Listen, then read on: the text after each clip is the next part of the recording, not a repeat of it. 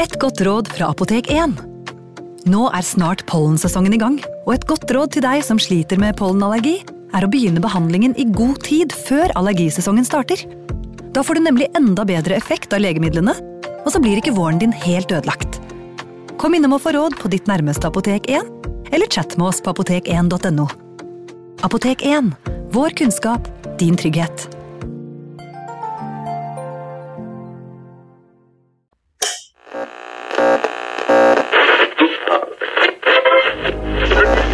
Vi skal gjenta særmeldingen i dag.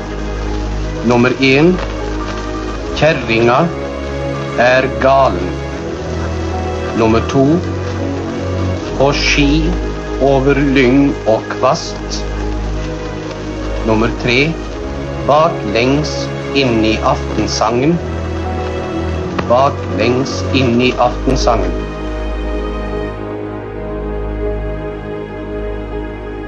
Det er slutten av november 1944, Eirik Veum, og du skriver i boka di De kalte dem rottejegere, i dette kapitlet om Bjarne Karlsen, at dette var et bursdagsbarn som ble likvidert Heldigvis var han ikke et barn, da. Han var en ganske voksen mann. 37 år. Han ble 37 år den dagen han ble likvidert. Men det, Spesielt. det var spesiell avslutning på den dagen for han. Eh, han het Bjarne Karlsen, ukas hovedperson, og hva Hvem var det? Han kom fra Oslo, medlem av eh, Nasjonal eh, Samling, hadde også vært eh, aktivt med i Hirden. De første rapportene om Bjarne Karlsen, eller kall det bekymringsrapportene da, som, som begynner å komme inn til Milorg, de er registrert i begynnelsen av september 1944. Det er ikke så lenge siden, det, da. Nei, det er bare noen uker, eh, eller halvannen måned cirka. Og eh, ja, vi, som vi sa, Carlsen eh, var NS-medlem, aktivt med i Hirden, men ut fra rapportene som jeg leste om han, så ser det ikke ut til at han var spesielt idealistisk eller politisk aktiv. Vi har jo mange av våre hovedpersoner er jo um, politimenn, Statspolitiet statspoliti ofte, korrekt antrukket, korrekt eh, oppførsel på veldig mange måter, bortsett fra at de har angiver da. Men uh, Bjarne Karlsen er mer av en karakter, kan vi si det. Det eh, kan vi trygt si. Eh, han ble jo i, i rapportene omtalt som en kriminell. Ja. Han drev og handlet med svartebørsvarer, likte godt å bytte mot, bort um, mat mot brennevin. Eh, drakk en del eh, selv, var eh, ja, han, man, ble sett rundt omkring på, ja, i gater og på torg og sånn, hvor, hvor han åpenbart da ja, var i hvert fall ikke edru. Han var ikke en diskré person som virket i kulissene. Nei, over, overhodet ikke. Og bare for å ta litt om denne hirdtjenesten hans, han, han, han var aktiv i hirden, uh, iallfall står han registrert som det, men eh, han ble jo kalt inn til Hirdmarinen i tjeneste der, og da gikk han jo i dekning, altså gikk og gjemte seg for å unngå å bli innkalt. Så, Ja. så han var uh, NS-medlem, uh, oppført som hirdemedlem, men, uh, men ikke aktiv og ikke spesielt ivrig, Ikke si sånn. in- ikke så interessert i å gå inn i sånn aktiv tjeneste, nei. Nei, men så står det jo, det kommer vi jo til etter hvert, men det, han, han, han er jo også registrert da, som en, en informant, altså en angiver til eh, okkupasjonsmyndighetene. Og det begynte han med, selv om den, eh, de bekymringsmeldingene til Miller kom i 44, så, så begynte han å klage litt på andre han mente var som utyske, da, eh, i, allerede i 41. Ja, i september 41 så er det jo da registrert én anmeldelse fra Bjørn Karlsen. Den har da gått til statspolitiet i, i Oslo, og da jobbet jo Karlsen som ja, stod oppført da som en bryggearbeider, men da, da En sjauer, mener du? Ja, eller sjauer, eller um, havnearbeider, altså Mm. noe sånt, men da, da hadde han sett andre NS-medlemmer bli forulempet, står det, på Oslo havn. Ja. Og det hadde han fått med seg, og da gikk han altså til anmeldelse til, til statspolitiet av en, eh, av en navngitt person.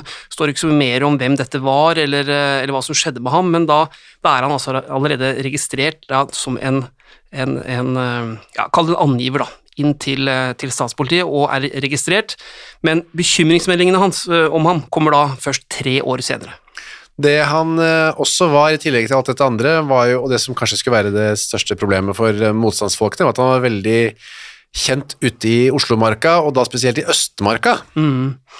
Og I eh, bekymringsmeldingen som kommer om han i, i, eh, i september 1944, altså tre år senere, så, så, blir det både advart og påpekt at Carlsen da eh, har oppholdt seg mye ute i, ute i Oslomarka. Han eh, vet om ja, miljøene som uh, oppholder seg der ute, ikke minst om uh, hvor folk gjemmer seg som har gått i dekning for å unngå f.eks. Uh, arbeidstjenesten vi har vært innom innom tidligere, eller av andre grunner holder seg um, skjult da, ute i, ute i, skogen. Og grunnen til at han er så godt kjent der ute, det, det kan være flere, men han, han, var en sånn type som gikk en del der ute da, var litt for seg selv, gikk turer i skog og mark, mm.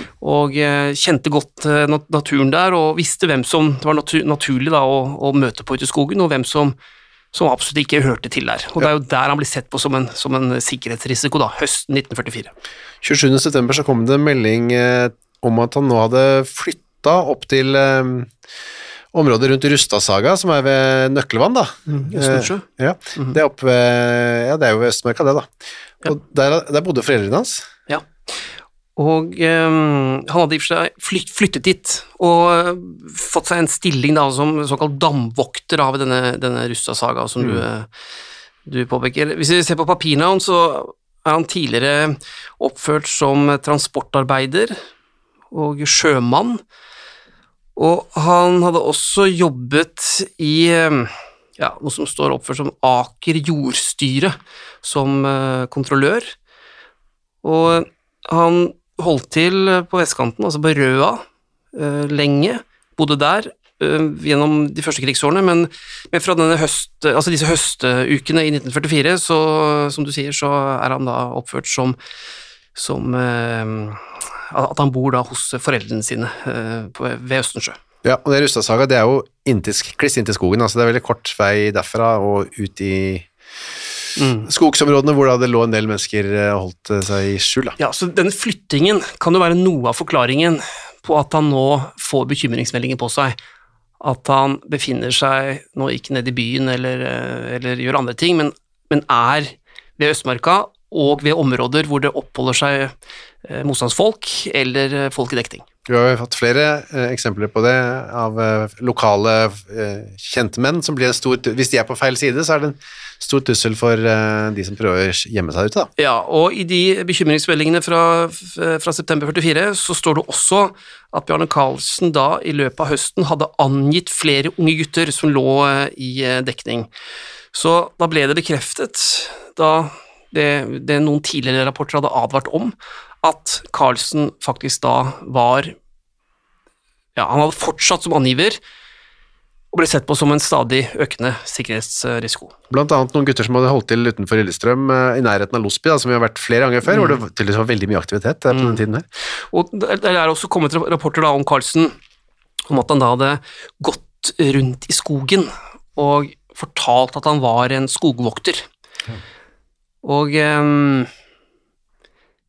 han hadde altså, Eller han kan ha vært involvert i, uh, i noen volds, uh, voldshendelser, fordi noen av de guttene som han hadde møtt, påpekte jo senere at de hadde blitt ranet og slått, mens andre ganger så hadde Bjørn Karlsen fortalt at han selv var etterlyst av, uh, av tyskerne for bl.a. våpensmugling, og um, at han nå trengte hjelp for å komme seg over til Sverige, og da når man begynte å skjønne at dette var samme person, mm så begynte det å henge et annet uh, ja, farlig merke ved Bjarne Karlsen, ja. nemlig informantstempelet.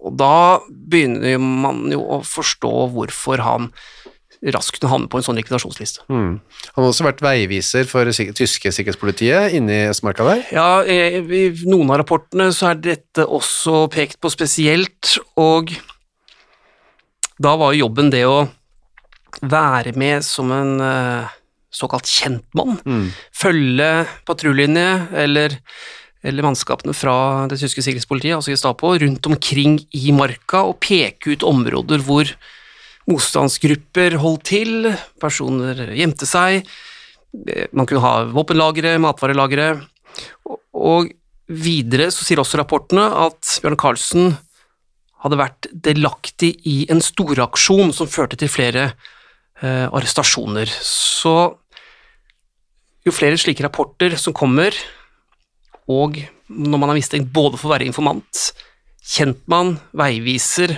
og angiver. Da begynner jo oddsene å bli dårlige for Bjørn Karlsen. Ja. Han har også vært uh, ute med noen opplysninger til sikkerhetspolitiet om en sånn matvaretransport uh, som hadde foregått inn der hvor det satt uh, ute i skogen da, motstandsgrupper og trengte mat.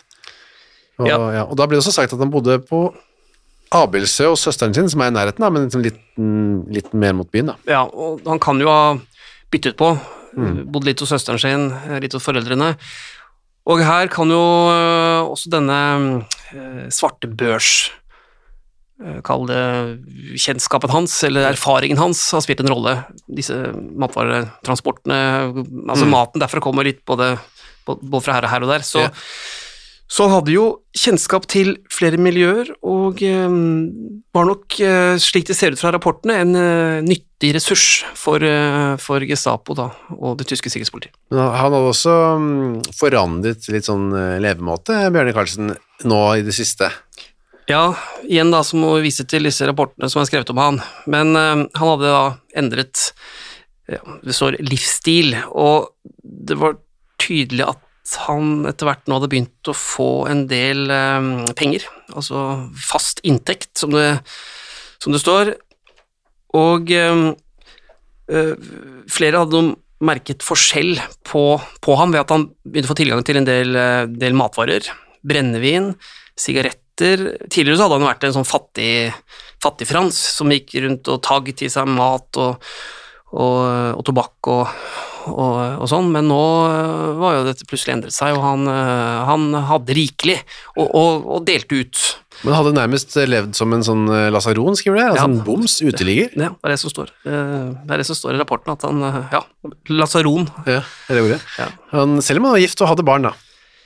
Ja, nå tyder det ikke på at Altså, dette var ingen familiemann. Nei. Så ja, det står at han var gift og barnefar. Jeg tror ikke det var så viktig i den, den perioden her. Ikke ved han, nei. Nei, ikke for han, nei. Um, ja, det var en som het ehm, Anna Karine Hovde, som han var gift med, så hadde de en som sønn som het Arve Robert. Ja, og han, ja, denne gutten var jo liten, skal vi si, han kom i 1938, ja. Og øh, ja, og så, som vi ser, Anne Karine gifte seg jo på nytt i april 1942 med en annen mann. Ja. Så han var ute av bildet her, ja. Han giftet seg vel på nytt, han Bjarne Karlsen òg. Det stemmer, med kone no, Ja, han fikk en kone til, Lille Theodora. nettopp. Det gikk jo ikke så bra, det heller, men det kommer vi jo litt tilbake til, Ja. hvordan det gikk med henne. Men, eh, men eh, vi kan jo Ja, ja for det, altså det som skjer da mm, når han begynte å få, få penger, da, og ja. så begynner man å se et mønster, og, og vi har vært innom høsten 44 flere ganger her. Um, I rapportene så der det står at han har fått tilgang til en del midler og eh, mat, brennevin, eh, sigaretter og slike ting, så står det også at han hadde fått en stor interesse for å ligge på skauen og plukke bær sammen med sin mor, Ja. står det. Og der er det også påpekt i disse rapportene fra Milorg at det er det flere som reagerer på, fordi han Bjørne Carlsen han går for å være ekstremt lat. Han øh, gidder ikke gjøre så mye hvis han ikke han må. Og det var jo veldig få, som det er bemerket, da, som ser for seg at han gadd å dra inn med mora si for å plukke blåbær inn i skogen. I hvert fall altså, plukke blåbær bare tenke på nå, hvis du skal liksom, leve godt av det, så da skal du plukke veldig mye bær. Ja, og det skulle du sikkert da også. Og det var ikke unaturlig under krigsårene å dra og plukke bær, Nei. men uh, Bjarne Karlsen var neppe en person som syntes det var uh, riktig Toppen. bruk av tid. Ja. Disse rapportene, du, hvem, hvordan uh, liksom, samlet man inn Hvordan foregikk den rapportskrivingen? Vet du noe om det? Altså, nå tolker jeg jo litt, for jeg må jo for, Altså, ut fra hvordan jeg tolker hvordan de er skrevet, men det, Ja. det har jo da kommet inn ulike opplysninger til, til noen som sitter og, og, sammenfatte disse opplysningene i, i en form for rapport. Man går ut aktivt da, og oppsøker folk som kjente han, eller kjenner Det, ja, eller det kan være at eh, man mottar disse opplysningene. Ja. Det var jo, altså Milorg hadde på den tiden her et svært godt utbygd etterretningsapparat. Okay. Så man hentet inn eh, opplysninger derfra, og selvfølgelig fra kilder man hadde i politiet, Ja. eh, også, i, også i statspolitiet, hvor man da sammenfattet eh, rapporter, bygget opp eh, eh, disse dokumentene rundt, rundt opplysninger da, om, om personer som eksempel skulle eh, likvideres. Eller man hadde andre tanker rundt. Men eh, det var eh, det var et, eh, et ordentlig, ordentlig system. Selv om det var illegalt, så, så er rapportene, og iallfall de som ble, ble, ble skrevet rundt de som skulle likvideres, og hvor Milorgs sentrale ledelse var, var inne og Ja. tok, tok de avgjørelsene, så, så var det i mange tilfeller veldig god dokumentasjon, og det her er et sånt, eh, sånt eksempel. Jeg jo- bare tenke på, Noe kan være rykteaktig. Ja, Sjekket man det i så fall, eller? ja, hvor lett var det å sjekke sånn? Det er klart, noe kunne man ettergå, men eh, ja, at vi snakket om disse bærene, da, og, at han eh, aldri kunne være bæreplukker. Altså det, det kunne han selvfølgelig vært, men det er veldig tydelig skrevet at det var han neppe. Ja. Og um, man fikk jo aldri spurt han, eller mora hans om det, så man vet jo ikke. Men, men disse rapportene ble jo skrevet og laget for å underbygge en eller annen beslutning som var tatt eller skulle tas. Mm. Og i det tilfellet her, da, en likvidasjon likvidasjon. Ja, en ganske stor beslutning, ja. Ja. Ok, så da eh, så kommer det en ny rapport eh, 22. oktober 1944, og der liksom slås det fast nærmest at han er angiver, og at han samarbeider med tyskerne. Ja, dette kan vi jo kalle en eh, form for en dødsdom. Eh, En, intern Miller-rapport som, eh, som eh, sier, eller viser til, at det meste av tvil kan legges bort når det, når det gjelder Bjarne Karlsen. Og det er ikke nå bare masse indisier og antydninger, det blir eh, slått fast at han er en angiver, og at han uh, har samarbeidet med okkupasjonsmyndighetene, altså Nasjonal Samling, statspolitiet, men trolig også det tyske, tyske sikkerhetspolitiet. Og eh, Noen, hadde sett han eh, gå gjennom en sånn kontrollpost, tysk kontrollpost Mm. i Østmarka. Og det er der, eh, det er der han, eh, ja, både han og hans tyske oppdragsgivere gjør en tabbe. Men han hadde da blitt sett ved denne tyske kontrollposten, som du sier, og der hadde han gått igjennom uten å bli kontrollert. Og han hadde heller ikke måttet vise frem noe legitimasjonskort. Bare nikker og sier 'hei, det er meg', og så går han videre. Ja, han blitt gjenkjent, og ja, slapp gjennom da uten noe, noe annet enn et nikk, og han har også brukt falskt navn. Bjarne Stallerud. Ja. Og da, ja, da, da, da var det jo da var det bestemt, og da var det slutt for han. Da var det um, likvidering eh, neste. Ja. Og um, da var det en av de som var med, som heter Yngvar Fredrik Johansen, som skrev en rapport eh, om hvordan det foregikk. Ja, Johansen eh, var jo da med på denne likvidasjonen, og vi kan lese noe, av den, mm. noe fra den rapporten som han skrev. Etterretningen i Milorg hadde hatt ham under oppsikt i lengre tid, idet det var en vanskelig kar å bringe frem opplysninger om, men til slutt var man sikre på ham. Jeg selv kjenner til at Carlsen angav en Knut Martinsen som kjørte mat til guttene på skogen, men Martinsen hadde klart seg unna det på en eller annen måte.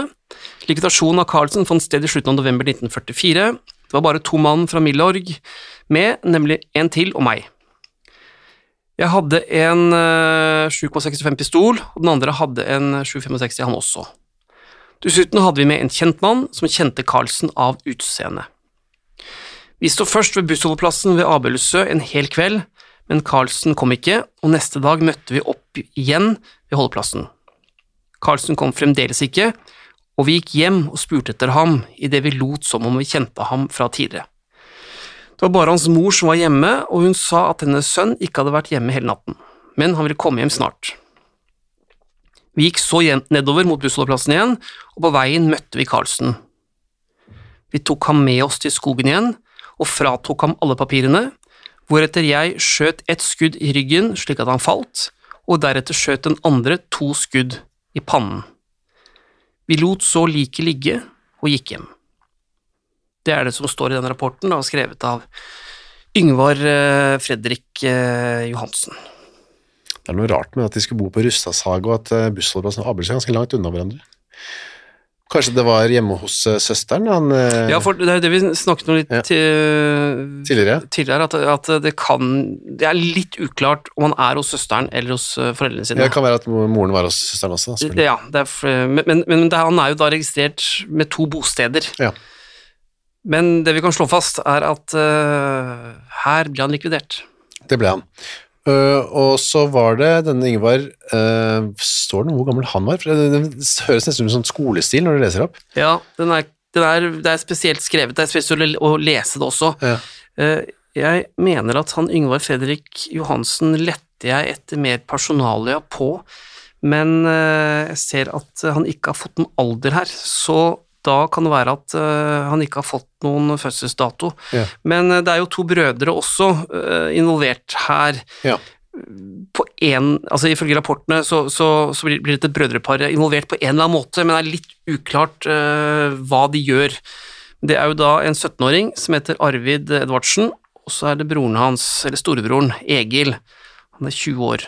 Ja, 17 år er jo av de yngste vi har hatt med her, er det ikke det? er en av de yngste, ja. Ja. Hvis ikke han er den yngste. Ja.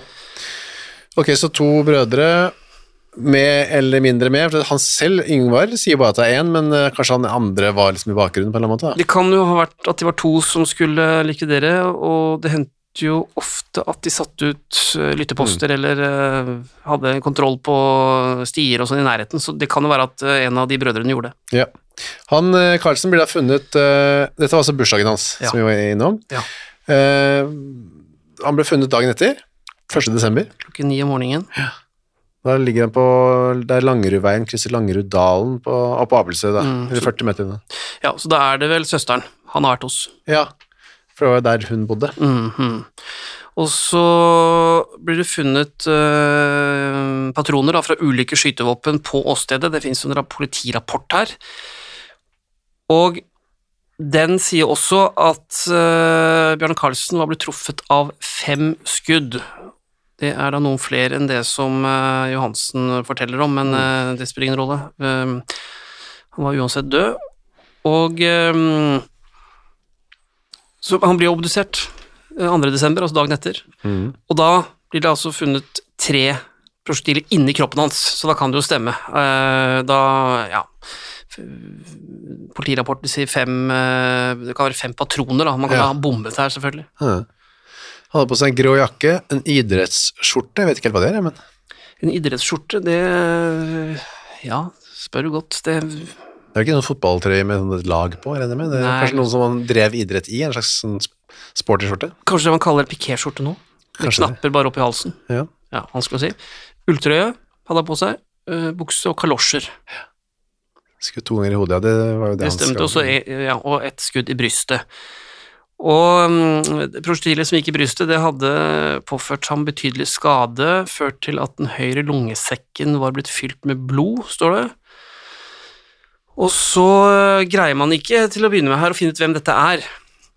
Han, eh, han blir liggende der eh, som ukjent noen dager, i og med at han ikke hadde legitimasjonspapirer på seg, men etter hvert da så blir det kjent at han, at han heter Bjørn Karlsen, og dødstidspunktet blir i politirapporten så står det at det har vært 30. november klokken 18.15.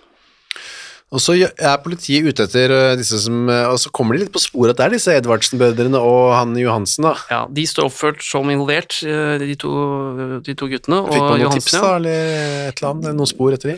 Ja, det, det må jeg anta, i at, ved at politiet da har, har mm. dette så, så klart i rapportene sine såpass tidlig. Men det er jo en fjerdeperson her også, Ja. den er jo spennende. Ja, og hvem var det? Ja, Det er altså da Bjarne Karlsens andre kone. 21-årige Lilly Theodora Carlsen. Og hun blir arrestert 14. mars 1945, altså øh, flere øh, ja, noen måneder etterpå. Ja. Og der blir hun siktet for å ha vært delaktig i drapet på sin øh, ektemann. ja, her har det skjedd noe som har gått gled Ja, blitt borte for historiebøkene. Ja, absolutt. Det kan jeg, jeg ser at jeg har ikke funnet så mye mer ut om, eh, om henne, og, og det noen gang ble klart at hun hadde vært delaktig. Men uh, uansett spesielt, da, at uh, kona Ja. blir arrestert i forbindelse med likvidasjonen av sin egen mann. Det må jo sies være spesielt. Ja. Men vi vet jo ikke så mye om dette ekteskapet. De var i hvert fall ikke et ektepar med felles bosted og barn og sånt. Ikke så- felles alder heller. Nei, det er litt forskjell her. Så eh, vet ikke så mye om dette forholdet. Men ble, vet du noe om hun ble dømt, eller de ble dømt, eller hva skjedde med de Nei, det er det jeg er usikker på, i og med at hun ble arrestert såpass sent. Ja, før eh, skjedene. Ja, det, vi snakker jo bare ja, sju uker eller noe sånt før eh, det hele er over, og da er det ikke sikkert at man Eller da var det garantert at man ikke kom til å følge en, en, en slik sak eh, inn i domstolene. Da var det andre ting man hadde fokus på. Ja, for da prioriterte man ikke de man visste hadde vært med å likvidere. Nei, og likvidasjonene ble også bare lagt bort, bortsett fra et par tilfeller hvor man gjorde noen få undersøkelser etter 8. mai 1945, så ble alle disse sakene bare, bare lagt bort og glemt, rett og slett. Ja, Så de rakk ikke å få noe dom heller, antagelig da, noen av disse. Nei, det er jo én sak vi har snakket om tidligere, eh, som havnet inn i dom- domstolen. Det er jo dette Feldmann-ekteparet Ja. som vi snakket om tidligere i serien her. For det var så usikkert om det var en likvidasjon, eller hva det var. Ja, men der kom jo domstolen frem til at det var en, eh, det var en likvidasjon som var helt nødvendig for å ikke eh, avsløre motstandsarbeid. Eller så var det noen av disse likvidasjonene hvor man gjennomførte avhør Mm. eh, i, eh, i, gjennom da, ja, månedene og årene etter, eh, etter frigjøringen. Og så dukker opp noen, eh, noen saker i arbeidet som politiets overvåkingstjeneste gjorde gjennom 50-tallet eh, og sent 40-tall, hvor eh, en del av de som var involvert i det kommunistiske motstandsarbeidet, altså Osal-gruppa og gjengen, nettopp, gjengen rundt, rundt han, de ble avhørt om en del likvidasjoner de hadde utført. Ja. Så noe av materialet i De kalte dem rottejegere her, er jo arkivene etter, etter POT, da, Politiets overvåkingstjeneste, som ligger oppe på, på, på um, Riksarkivet. Din nåværende arbeidsgiver, ja, rett og slett. Absolutt. Er det ikke POT lenger, da, men dessverre. Ja, Morsomt nå heter det PST. Du, Hasse døde han, eh, det vet vi, og ble gravlagt på Nordstrand kirkegård. Ja, Det var ikke med pomp og prakt. Nei, jeg fant vel ikke noe omtale av den, eh, av den eh, bisettelsen. Og så vidt jeg eh, Jeg ser jeg har skrevet her at eh, i dag er graven trolig slettet. Det betyr at jeg ikke har funnet eh, ikke har funnet den med, med, med det navnet og den dødsdatoen. Bjarne Karlsen er, er veldig vanlig navn, så man må det, er, det er en del det er en del døde som, som hadde det navnet, Ja. men jeg fant ingen treff på datoene, og, da, og heller ikke på, på kirkegården, så da Det er jo grunnen til at jeg har skrevet 'trolig slettet'. Et vanlig navn med et uvanlig liv, kan vi vel konkludere med. Ja, og et kort liv. Men for han da, sørgelig avslutning på en, eh, eller kanskje hyggelig bursdag. Ja, det, Eh, Det er i hvert fall historien om Bjarne Karlsen, eh, Erik. det stemmer. Vi kommer tilbake med en ny historie Det gjør vi. neste uke.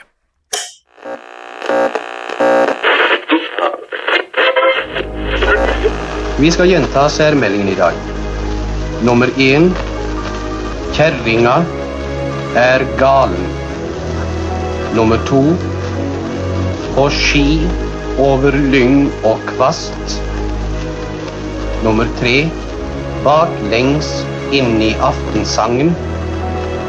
Baklengs inn i aftensangen.